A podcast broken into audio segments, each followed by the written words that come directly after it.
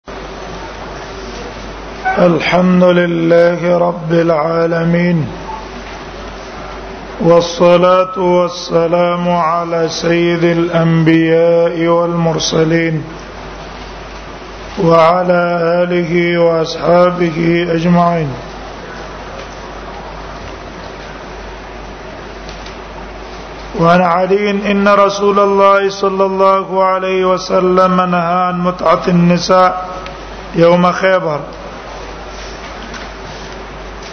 د علي رضی الله عنه نه روایت ده وی رسول الله صلی الله علیه وسلم منع کړی دا ان متعه النساء د نکاح د متعینا د خزو سره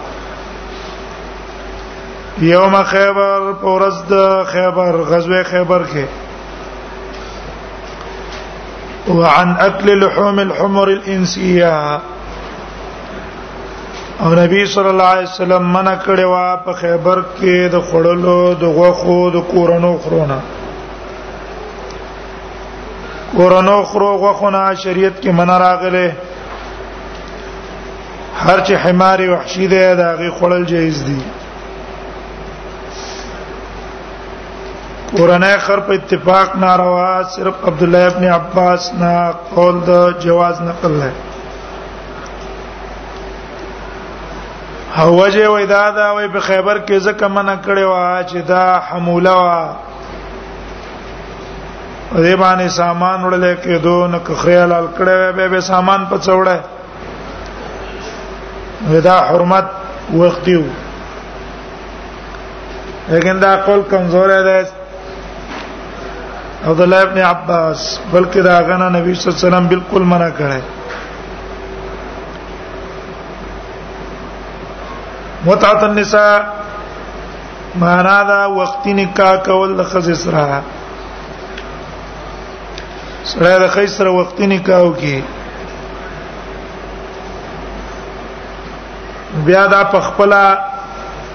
په مزید اجل سره د نیټه ختمېدلو سره ختمېږي وعن سلمہ بن الاکوع او سلمہ ابن الاکوع نے روایت ہے قال داوی رخص رسول الله صلی الله علیه وسلم عام او تاس وی نبی سلام اجازه ورکړې وا په کال د او تاس کې او تاس ته د حنین جنگ ده نبی صلی الله علیه وسلم په اتم کال باندې ورغله او پس د فتح د مکه نه مکه چې فتح کړه فتح د مکه نه رسول دلته تلو دي ته ویل کی عام او تاس وي نبی صلی الله علیه وسلم اجازه ورکړه درې ورځې سلاسن درې ورځې فلمتاته په متعکی سلاسن درې ورځې ثم نهى عنها به نبی صلی الله علیه وسلم داغه نه منع کړه اوله مسله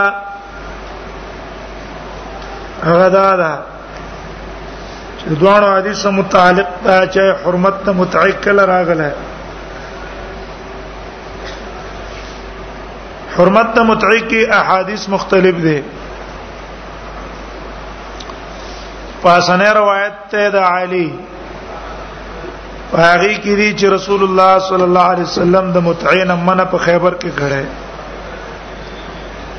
او خیبر چې د فتح د مکې نه د کال مخکیو خیبر فتح د مکې نه د کال مخکې ده دلان دی روایت د عمرو ابن سلمہ کې دی چې رسول الله صلی الله علیه وسلم عام او تاس کې درې ورځې اجازه ورکړې و ثم نهى عنها به د متعین منو کړه او عام اوتاس فتح د مکه پسې متصل فتح د مکه په اتم کال د هجرت ته دې قول مطابق دا ده چې د متعین من راغله د پاتم کال د هجرت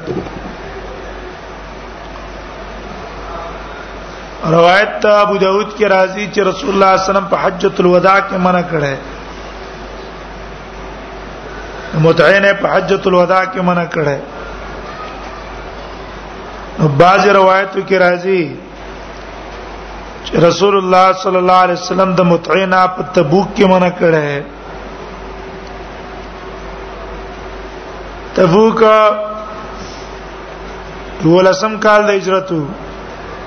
نه هم کال د هجرت حجۃ الوداع باندې غرانه عمل د رسول الله د اتیا ورځې پس ته وفات شوه نو اوس دا روایتونه خپل منځ کې مختلف دي حرمت کله راغله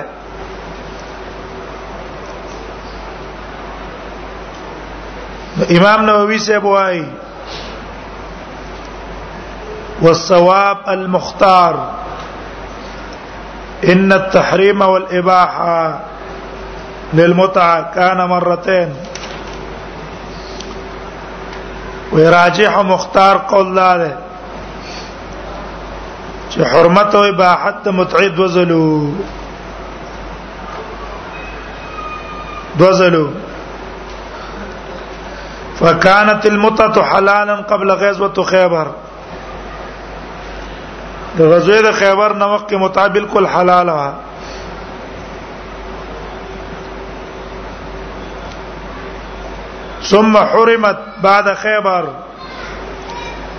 خیبر نرستو حرام شو دلیل په حدیث د علی ده نهان متعه النساء یوم خیبر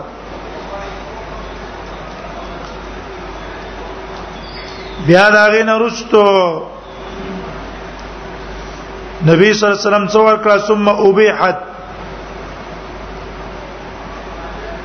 عام اوتاس یا یوم فتح مکه ثم حرمت يوم اذن بعد ثلاثه ايام تحريم مؤبدا بیا د عام او تاس د درې ورځ اجازه نه رستو متع حرام شو مؤبدا الى يوم القيامه قیامت پورې حرام شو او استقر تحریمها او دا غي حرمت هم د قصې پات شو کوم روایتونو کې چې حجۃ الوداع راغله ده یا تبوک راغله حالت نبی صلی الله علیه وسلم دا حکم بیان کړی د حرمت کوم صحابي چې اوریدل ده هغه دا ګمان کړی چې دا حرمت کې نه نن راغی حال لاره چې حرمت مخکې راغلی او نبی صلی الله علیه وسلم صرف بیان دغه حکم کړی دی ها کوم صحابه چې د ابوبکر یا د عمر په زمانہ کې متع کړي متع کړي په زمانہ د ابوبکر او په ابتدا د خلافت د عمر کې دا محمول له عدم علمهم بالنسخ هغه ته حرمت نو معلوم چې ګینه دا کار څه حرام نه دې وخت ډېر کارونه من کو څوار لسو کال شوی دي کنه یو عمل حرمت مونږ ته نه معلوم او کوي دینه چې ګیندا جایز ده یسه موږ ته حرمت معلوم شي استفاسات پریدو دا ورانه قول شو د متعی متعلق متعمد حاصل دا شو حرمت د متعی په خیبر کې راغله به حرام وا عام او تاس کې نبی سم اجازه ورکړه درې ورځې درې ورځې نه پسې بیا څکړه مؤبد حرام شوه دیمه خبره دا ده چې متعا وای ستا غوړه متعا او تمتع دا په شریعت کې استعمالي کې دوه معنی باندې راځي یو متعا او تمتع هغه په حج کې دا چې زړه په یو سفر کې عمره مو کې اول ته به پاتې شي حجم کې ته تمتعام وي تمتع متوي دغه متع او تمتع هغه جایز ده هغه کې څو مارات نشته دویم نمبر متعده په نکاح کې نکاح کې متعدد ته وایي نو علماء تعریف کړی د عقد الرجل الزواج على امراه مدته معلومه بمهر معلوم نو سره را ولګي د یو خځې سره نکاح وکي خو په نکاح کې اوسره یو قید ولګي مدته چې دوه میاشتې یو میاش یو هفته به تزما خزه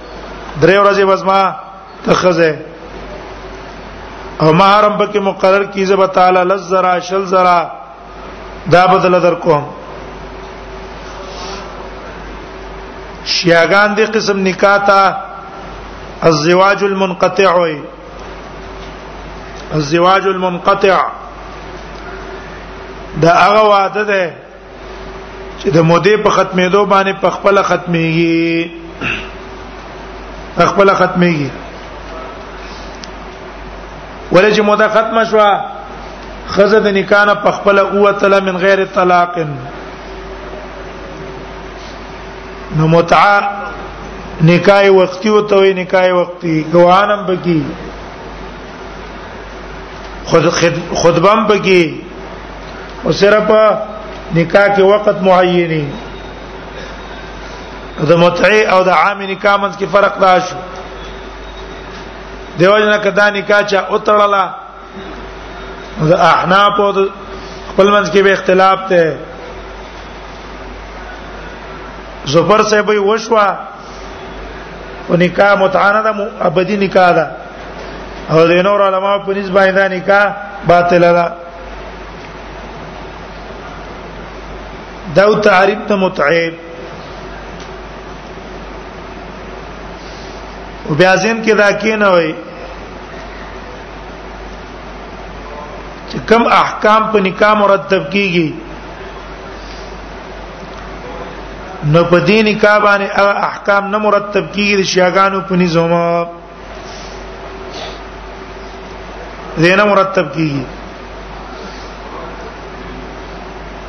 مثلا نکاح کې فسخ ای طلاقی دغه فسخ او طلاق نشتا په نکاح کې میراث او عدتی په دې کې میراث او عدت هم نشتا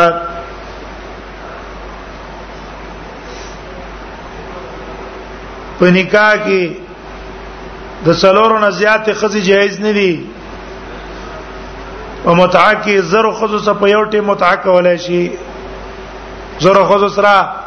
په یو ځل نکاح ده متعه نکاح په یو ځل د زرو خزو سره تړلای شي او کما چې عام نکاح د شرعي څلورو خزو نه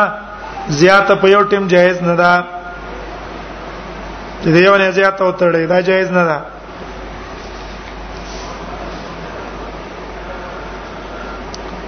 دو تعریف د متعه درېمه خبره د متعه متعلق نکاح المتعه هغه د جواز او د حرمت تاج اي نکاح د متعه جائز ده کنه نو د اهل سنت والجماعت شوافع دي کمالکان دي که احناف دي کنه حنابلة دي او کال حدیث دي او کال ظواهر دي د ټول اتفاق ته په حرمت نکاح د متعه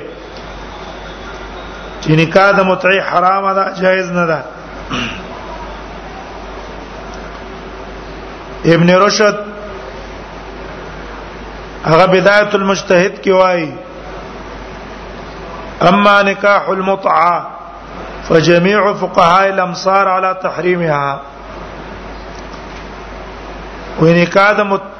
متعب بارکه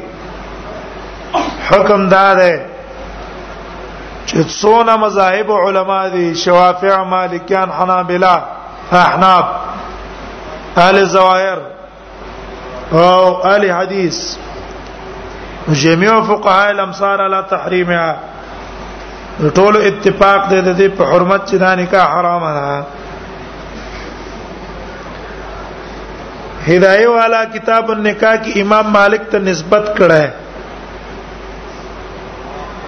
امام مالک قائل له جواز علما وای همدارنګ عبد الحی صاحب وی هدايه والا په دې نسبت کې امام مالک ته خطا شوه امام مالک هم قائل حرمت ته قائل جواز نه ده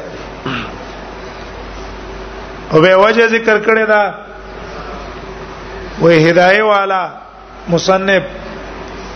دا د امام مالک په مذهب باندې دونه معلومات د تنو زګر د ټوله مقابله د چا سره وا شوافی او سره چا چې د چا سره مقابله نو دلته زموږ مقابله د يهودو او نصارا سره نه ده دارنګ زمنګ تاسو مقابله د کمونستو سره نه ده او زمنګ تاسو مقابله د اندوانو د سکانو سره نه ده دیو جن د يهودو او د نصاراو د کمونستو د شیعاګانو چې تقابل مو سنشته نو د هغه په مقابله کې موږ سدونه معلومات هم نشته دغه واسطه مو سنشته کنه او کومنګ د څه خبرې راوالو چې د اسلام حقانیت خلکو ته بیانو هغه موضوع په من خنه لګیږي څنګه لګیږي هغه موضوع په من د څه صوفیت والا لګیږي وای مړه دا څه خبره ده او دا حقانیت د اسلام چې کله یورپ ته لاړ شي حالت مخامخ يهودیت ته نصرانیت ته او الته چې ته د اسلام حقانیت معلومه نو بیا به تپته لګي چې بس موضوع دا ده به دې تقلیدونه مقلیدونه سره سره دې ته سره ګوري نه چې مړه دا پرې دا چې بيځه باسونه دي غټ دشمن سره مقابله ده او چون کې زمند ته مقابله ده چا سره ده دې حضرات سره ده نو دې حضرات ته اسلام حقانیت ضرورت نشته ځکه هغه هم ځان ته مسلمانان وای کنه دې زمو مقابله پس کې دا او د سنت او دې شنو کې دا نو دیو نه چا سره مقابله اوس د اندوانو د مذهب نه موږ سره خبر نه کتاب به موږ ته نه معلوم اگر مقابله مو سره نشته مقابله موږ سره نشته اگر چرته هندو کې نه په طریقې دعوت هم نه پويږي څنګه ته دعوت ورکو دا واسطم نشتا زرقز هدايه والا مولا رحمه الله دا غاسل کې د شوافه او سلانجي وي دیو جن ټول هدايه کې امام شافعي بیان امام شافعي بیان امام احمد کو پکې چې تکم او امام مالک هم پکې چرته کم دلته امام مالک ته نسبت کړي په دې نسبت کې خطا شوه امنځ کې جمله معترضه وا نو ټول سنیان متفق دي داغه په تحریم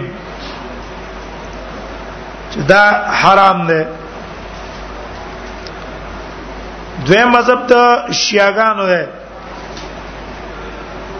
د شیعاګانو په نسبانه متعه جائز ده متعه جائز ده او حرام نه ده وسم سره وقتی نکاح کول شي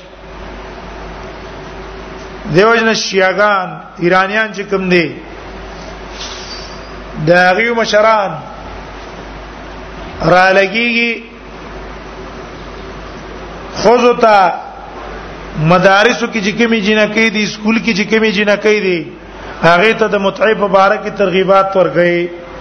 چې وختي نکاحونه کوي او جواز نه بلکې وي متعه نکاح د متعه کول دا ډیر اجر او ثواب لري دا سبب ده د پاره د اجر او د ثواب او د تقرب عند الله د شیعاګانو یو مولا ده فتح الله کاشانی او توي فتح الله کاشانی دا په شیعاګانو کې مجتهد ده د یو تفسیر لیکل دی منهاج الصادقین په نوم باندې منهاج الصادقین په نوم او دا تفسیر د شیعاګانو په نس مسما ده په تفسیر کبیره تفسیر کبیر دا ډیر مقبول تفسیر ده د شیعاګانو په نس دا فتح الله کاشانی سلور سو درې نوي صفحه کې وایي په فضائل د متعه کې و ان رسول الله صلی الله علیه وسلم قال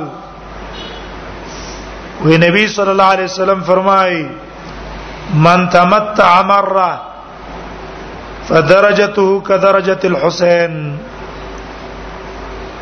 او چا چې یو ځل متعه وکړه زه درجه به د سیله کده حسین غونته کې دا د حسین سره په درجه کې مساوي شو ومن تمتع مرتين او چا چې دو ځل متع وکړه فدرجته كدرجه الحسن دا درجه په شان ته درجه د حسن ده دا د حسن سره په درجه کې مساوي شو او من تمتع ثلاث مرات کان درجته کدرجه علی ابن ابي طالب او درېزل چې چا متع وکړه دا درجه او پشان ته درجه دي چای پشان ته درجه د علی ابن ابي طالب وي او من تمتع اربع مرات درجته کدرجتي او څلور ځل چې د متع وکړه نبی صلی الله علیه وسلم په درجه کې مساوي شي نو نکاح د متعه دا سبب ته د پاره د اجر کثیره اجرا فضیلتونه خلکو ته بیانې متعه باندې کوي بلې بیانې کوي نو دویم فضیلت پسې واورا د شیعاګانو یو بل مجتهد ده ابو القاسم هغه کتاب لیکل ده برهان المتعه برهان المتعه د نکاح المتعه فضائل او داغي جواز په دې باندې کتاب لیکل نو پای کې فضیلت بیان کړی دی ان ابي جعفر و ابي جعفر نه قول نقل له چې قال ابو عبد الله قال ابو عبد الله ما من رجل تمتع ثم اغتسل وې نشته دی او سړی چې هغه متعو کی او ثم اغتسل او بيد اللام بي الا خلق الله من كل قطره تقطر منه سبعين ملكا يستغفرون له الى يوم القيامه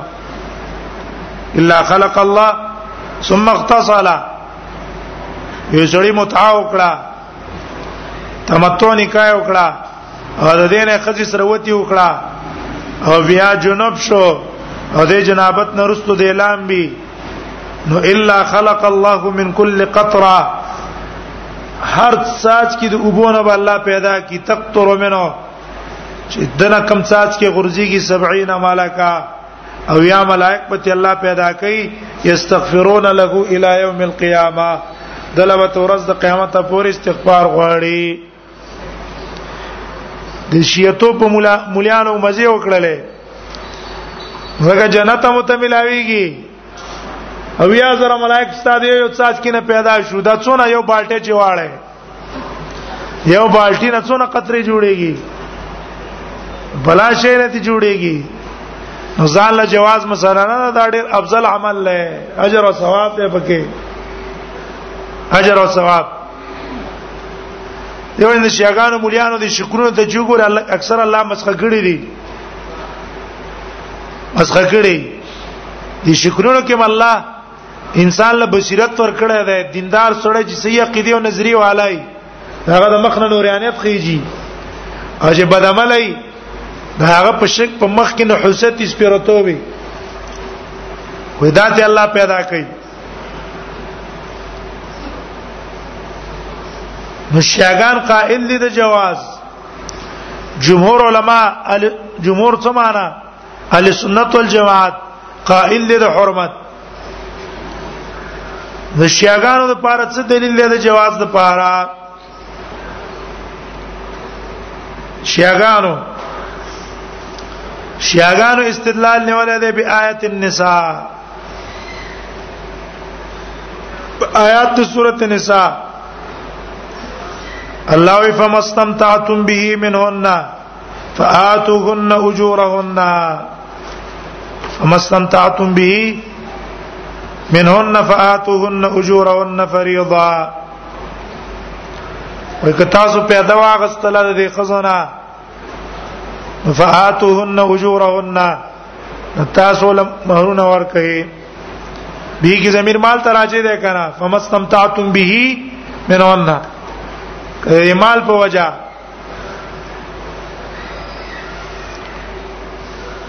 دی وای ګورا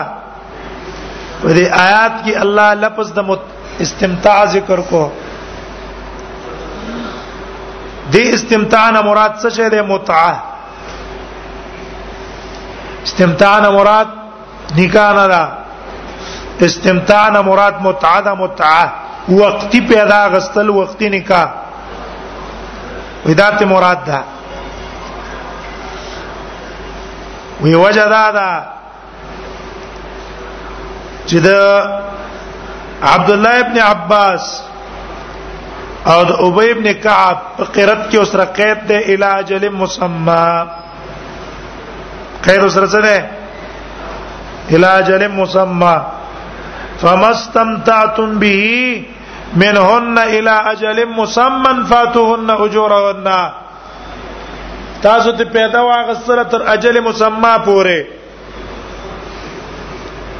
اجل مسمى پورې پیدا غسل په کومه نکاح کی نکاح د متعه ځکه نکاح د متعه کې څه شي وي زواجی و یو خزه سسرا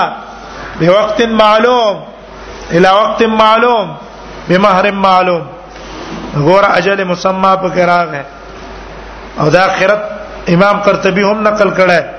چې عبد الله ابن عباس او ابي ابن کعب په قرات کې دادي وګوره دینه معلوم شو چې دا متعه ده نه کار نه متعه شو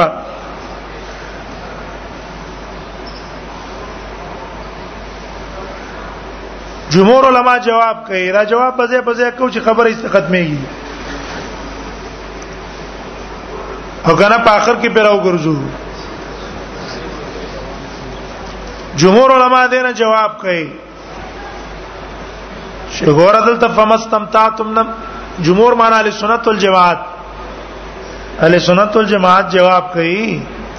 چې دې استمتاع نه مراد نکاح شرعي ده نکاح المتعه نه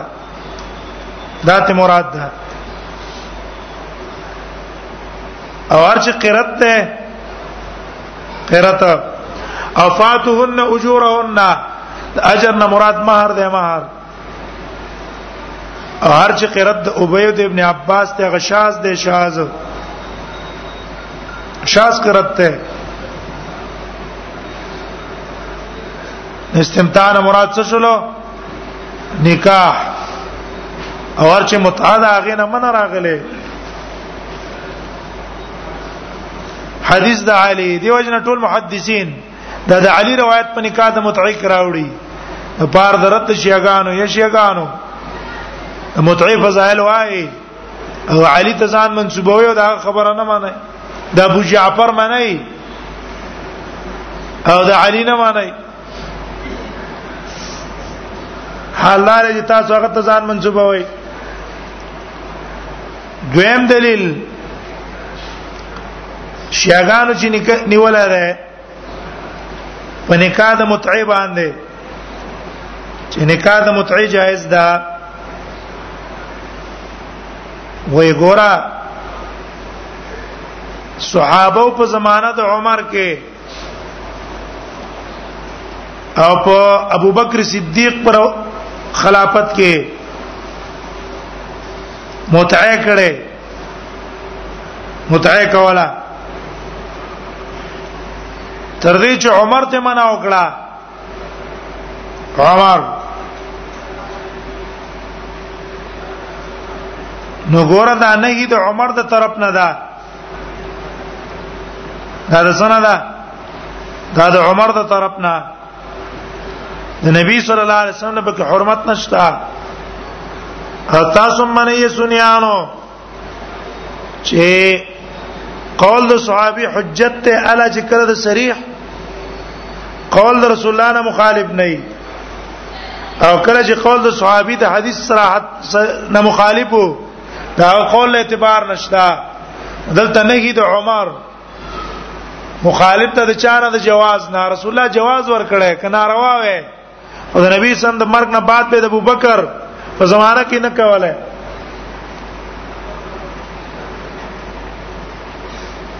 او مسلم روایتونه نقل کړي چې صحابه په زمانہ د عمر کې بعضو کړي وا پته ابوبکر کې کړي وا او په ابتدا د عمر کې کړي وا تر دې چې عمر ته منع وکړه روایتونه چار وړي امام مسلم وګور استاسو په کتاب کې دي چې صحابه کولا صحابه چې کولا دا دلیل دی چې نکاح د متحرام نه ده جایز ده دویم دلیل شو دا هغه دریم دلیل جواب دا غینه دا ده اهل سنت والجماعت جواب ور کوي اهل سنت والجماعت دې ته جواب ور کوي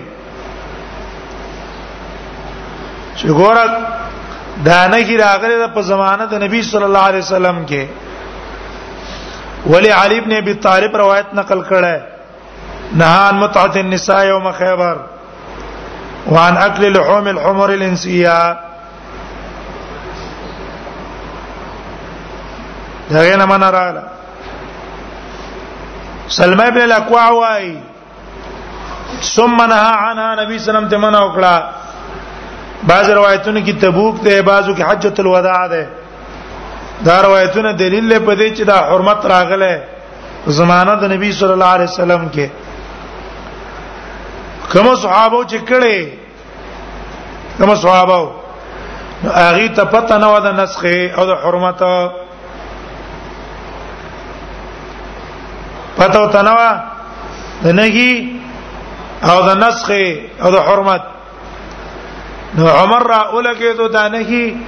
اعلان عامه وکړو چې نبی سم دې نه منع کړی دا شټول صحابه خبر شو استمنه شو او دا نه چې کینه مخکې نه هی نه او صرف عمر نه هی کړي درم دی وای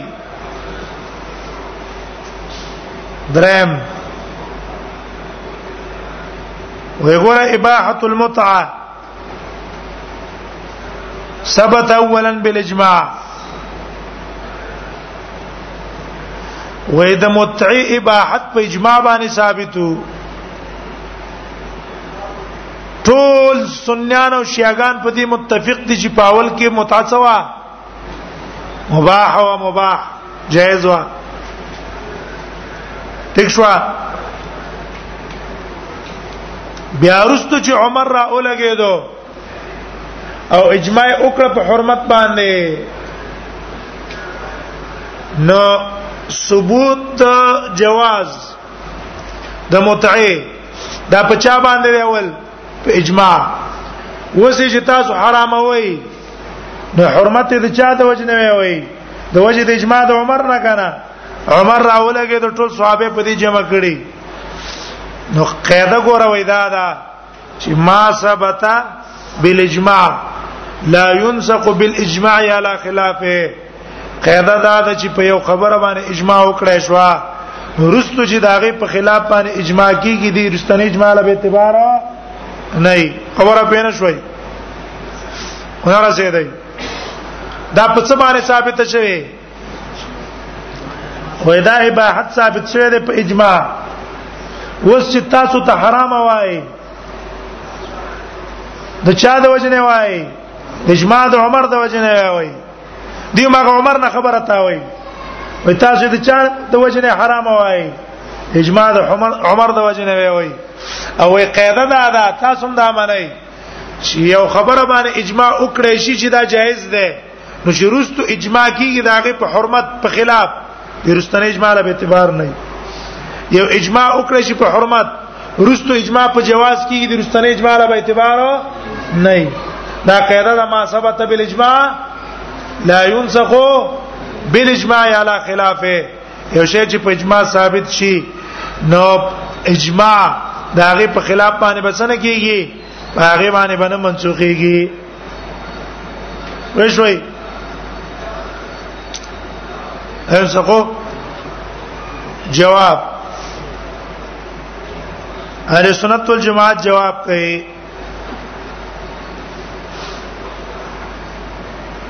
چې نهي د متعینا نهي د متع اباحت د متعه دام راغله په خبره واحد نهي د متعینا سبحان راغله خبر په خبر احادیث باندې وې سنت اهل سنت والجماعت په د استاد خبره صحیح نه ده چې دا اباحت په اجماع راغله او دا به اوس د دې په خلاف اجماع اعتبار نشته دا خبره غلطه ده بلکې متعاجه شوی د بالسنه او نسخت بالسنه جواز هم بصر اغله حدیث باندې کنا او نه هم بصر اعلی نه هم په سنت را اعلی او دا جائز ده په احادیث باندې ثبوت راشي او به ته په احادیث باندې نه هی راشي دا څه شو دا جایز شو استاد خبره ټیک نه ده درې بل دلیل لاغیو هغه وی ګورا وی د علینا او د ابن عباس نه دا قول نقل لای لولا ان عمر نهى عن المتعه ما زنا الا شقي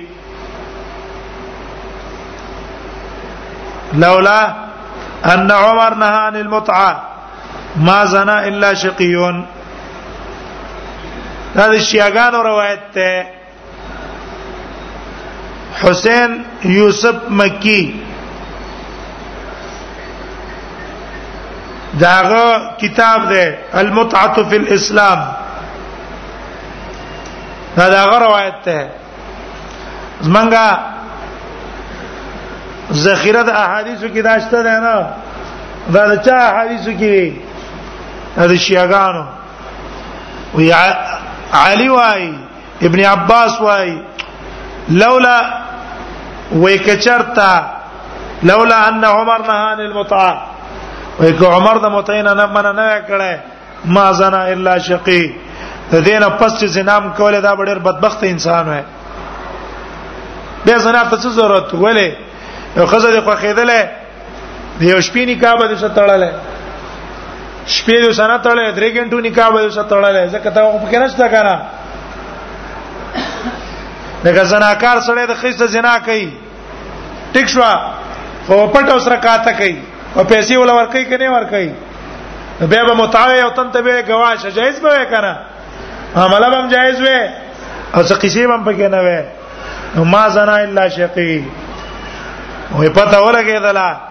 چې ګور دې متسوي جایز وته وای ها عالی ته نسبت شیاګانو جواب اهل سنت والجماعت جواب کوي چې عالی ته نسبت ستاسو غلط ده ولی علی خپل د نبی صلی الله علیه وسلم نه حرمت نقل کړه نقل کړه د حرمت او ابن عباس ته په خپل ویلو انک رجلن وی ګوره ته جذباتي سره ابن عباس دل ته جذباتي سره سم دواره فتوی ورکه او متعی د جواز فتوا ورکه ما د نبی سم نو ورېدلی چې نهان متت النساء یوم خیبر متت النساء غره من راغله نو ته النساء نه صدا من راغله دا معنا نو علی ته نسبت غلط ته ولید علی ولا حدیث نه ما نقل کړه ها ابن عباس ابن عباس رضی الله عنه درې فتوی نقل لې متعه کې درې فتوی نقل لې په بار د متعه کې اوله فتوا ته ورکړې و د جواز مطلقاً جواز مطلقاً چې متعه جائز ده جائزه تمتع جائز ده یو علاقه ته جلاړې مثلا دې جن لاړې هندستان ته یورپ ته یا په دې پاکستان کې علاقه ته لاړې الته ته پات کیږي څوک دې نه وختي نکالتا وکا وختي نکاح وکا بیا چې راتلې بس وخت به ختم شي نکاح هم ختم شي دا فتوا د ور کړې و د جواز د نکاح وقتن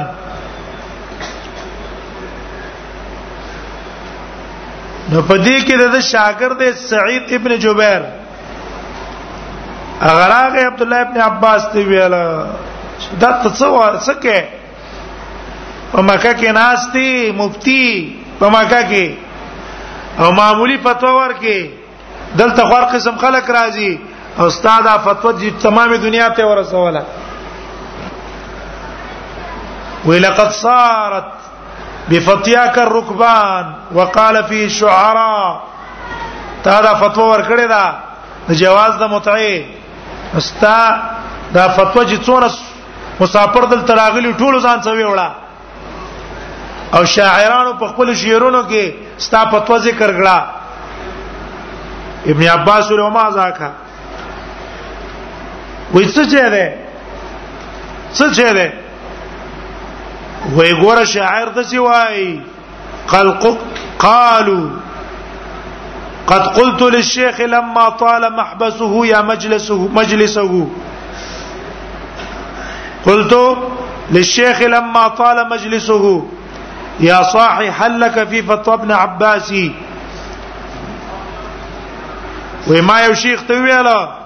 چې په یوځی کې ډیر پاتې کیږي قلت للشیخ لما طال مجلسه په یوځی کې ډیر پاتې کیږي ماغه ته ویاله یا صاحب اے مرګریا هل لك في فتوى ابن عباس ستاره پار د عبد الله ابن عباس په فتوا کې رغبت شته کنه شته عبد الله ابن عباس په فتوا عمل وکا هل لك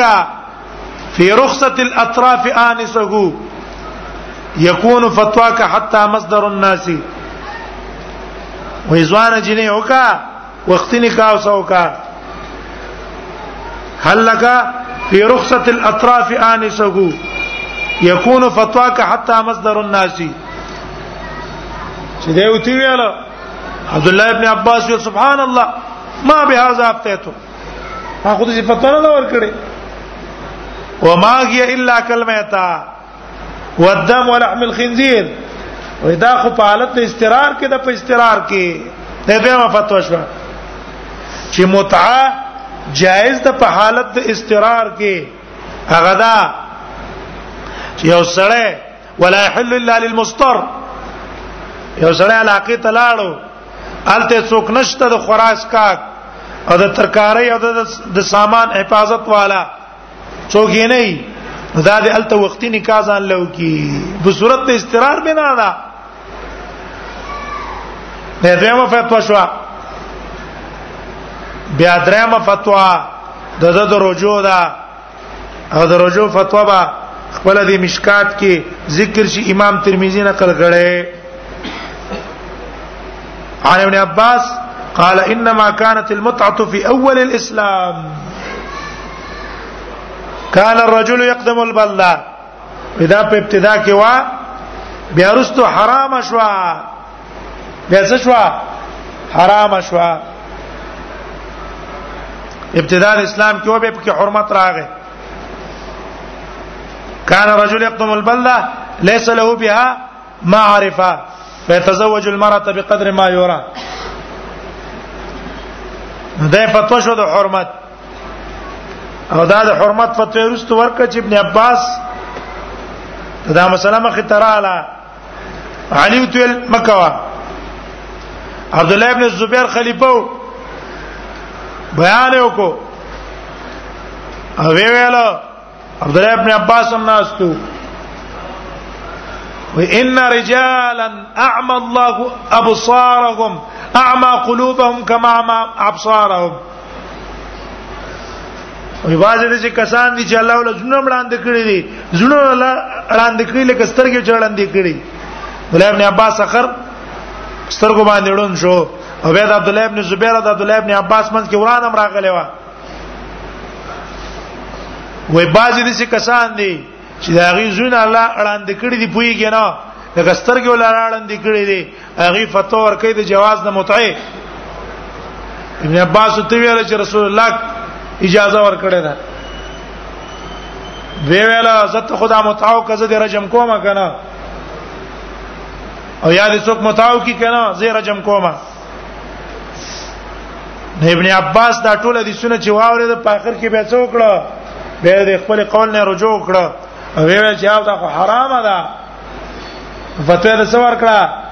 حرمت یې ور کړه چې تاسو ابن عباس ته نسبت کوئ شیر عبد الله ابن عباس وای لولا لو ان عمر لولا نهى عن المتعه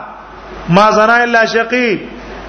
عبد الله ابن عباس د خپل قول نه څه کړی دی رجوع کړي هغه قائل له حرمت من څه په سي سند باندې لا خبره ثابته ده استاد واجب په ابو جعفر بنا ده قال ابو جعفر او قال ابو عبد الله سند سره شته ده نه دغه شیعاګانو مذهب بلا سند ده ولې شیعاګانو په کتابونو کې ورخه د واس خبرې مشتخه څه پکشتا کافی کولینی ودی کی چې کمی دي کنه کی خبره د وعظم پکشتا اکثر بلا سند دي سندونه پکې نشتا ډېر دا بعضی حضرات چې دا ناشنا ناشنا خبرې کوي دا ناشنا ناشنا خبرې دي چا نه وي دا شیګانو د کتابونو نه راستلي نو دا دلیل هم د دې وسینه شو ها عبد الله ابن مسعود فتوا د جواز ورکړی دا کرستی وایو او پس ثاني کې عبد الله ابن مسعود وایي او هغه فتوا هم عبد الله ابن عبد الله ابن مسعود دا غنه رجوع کړی درستی وایو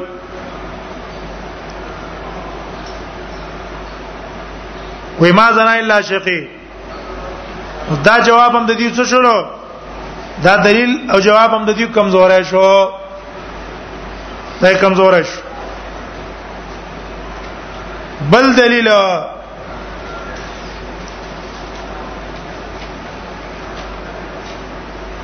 د جواز د پاره چې کان ابن عباس یفتی بحلها وای ګورا عبد الله ابن عباس په دې حلال والی باندې فتوا ورکوله دا غي تفصیل موږ بیان کو که بیان هم نه کو موږ وای دا فتوا ورکړې دا قرستوی د څه کړې رجوع ته کړي نور ادلم دي داغيو ان شاء الله به بیان کو نو وخم ختم شي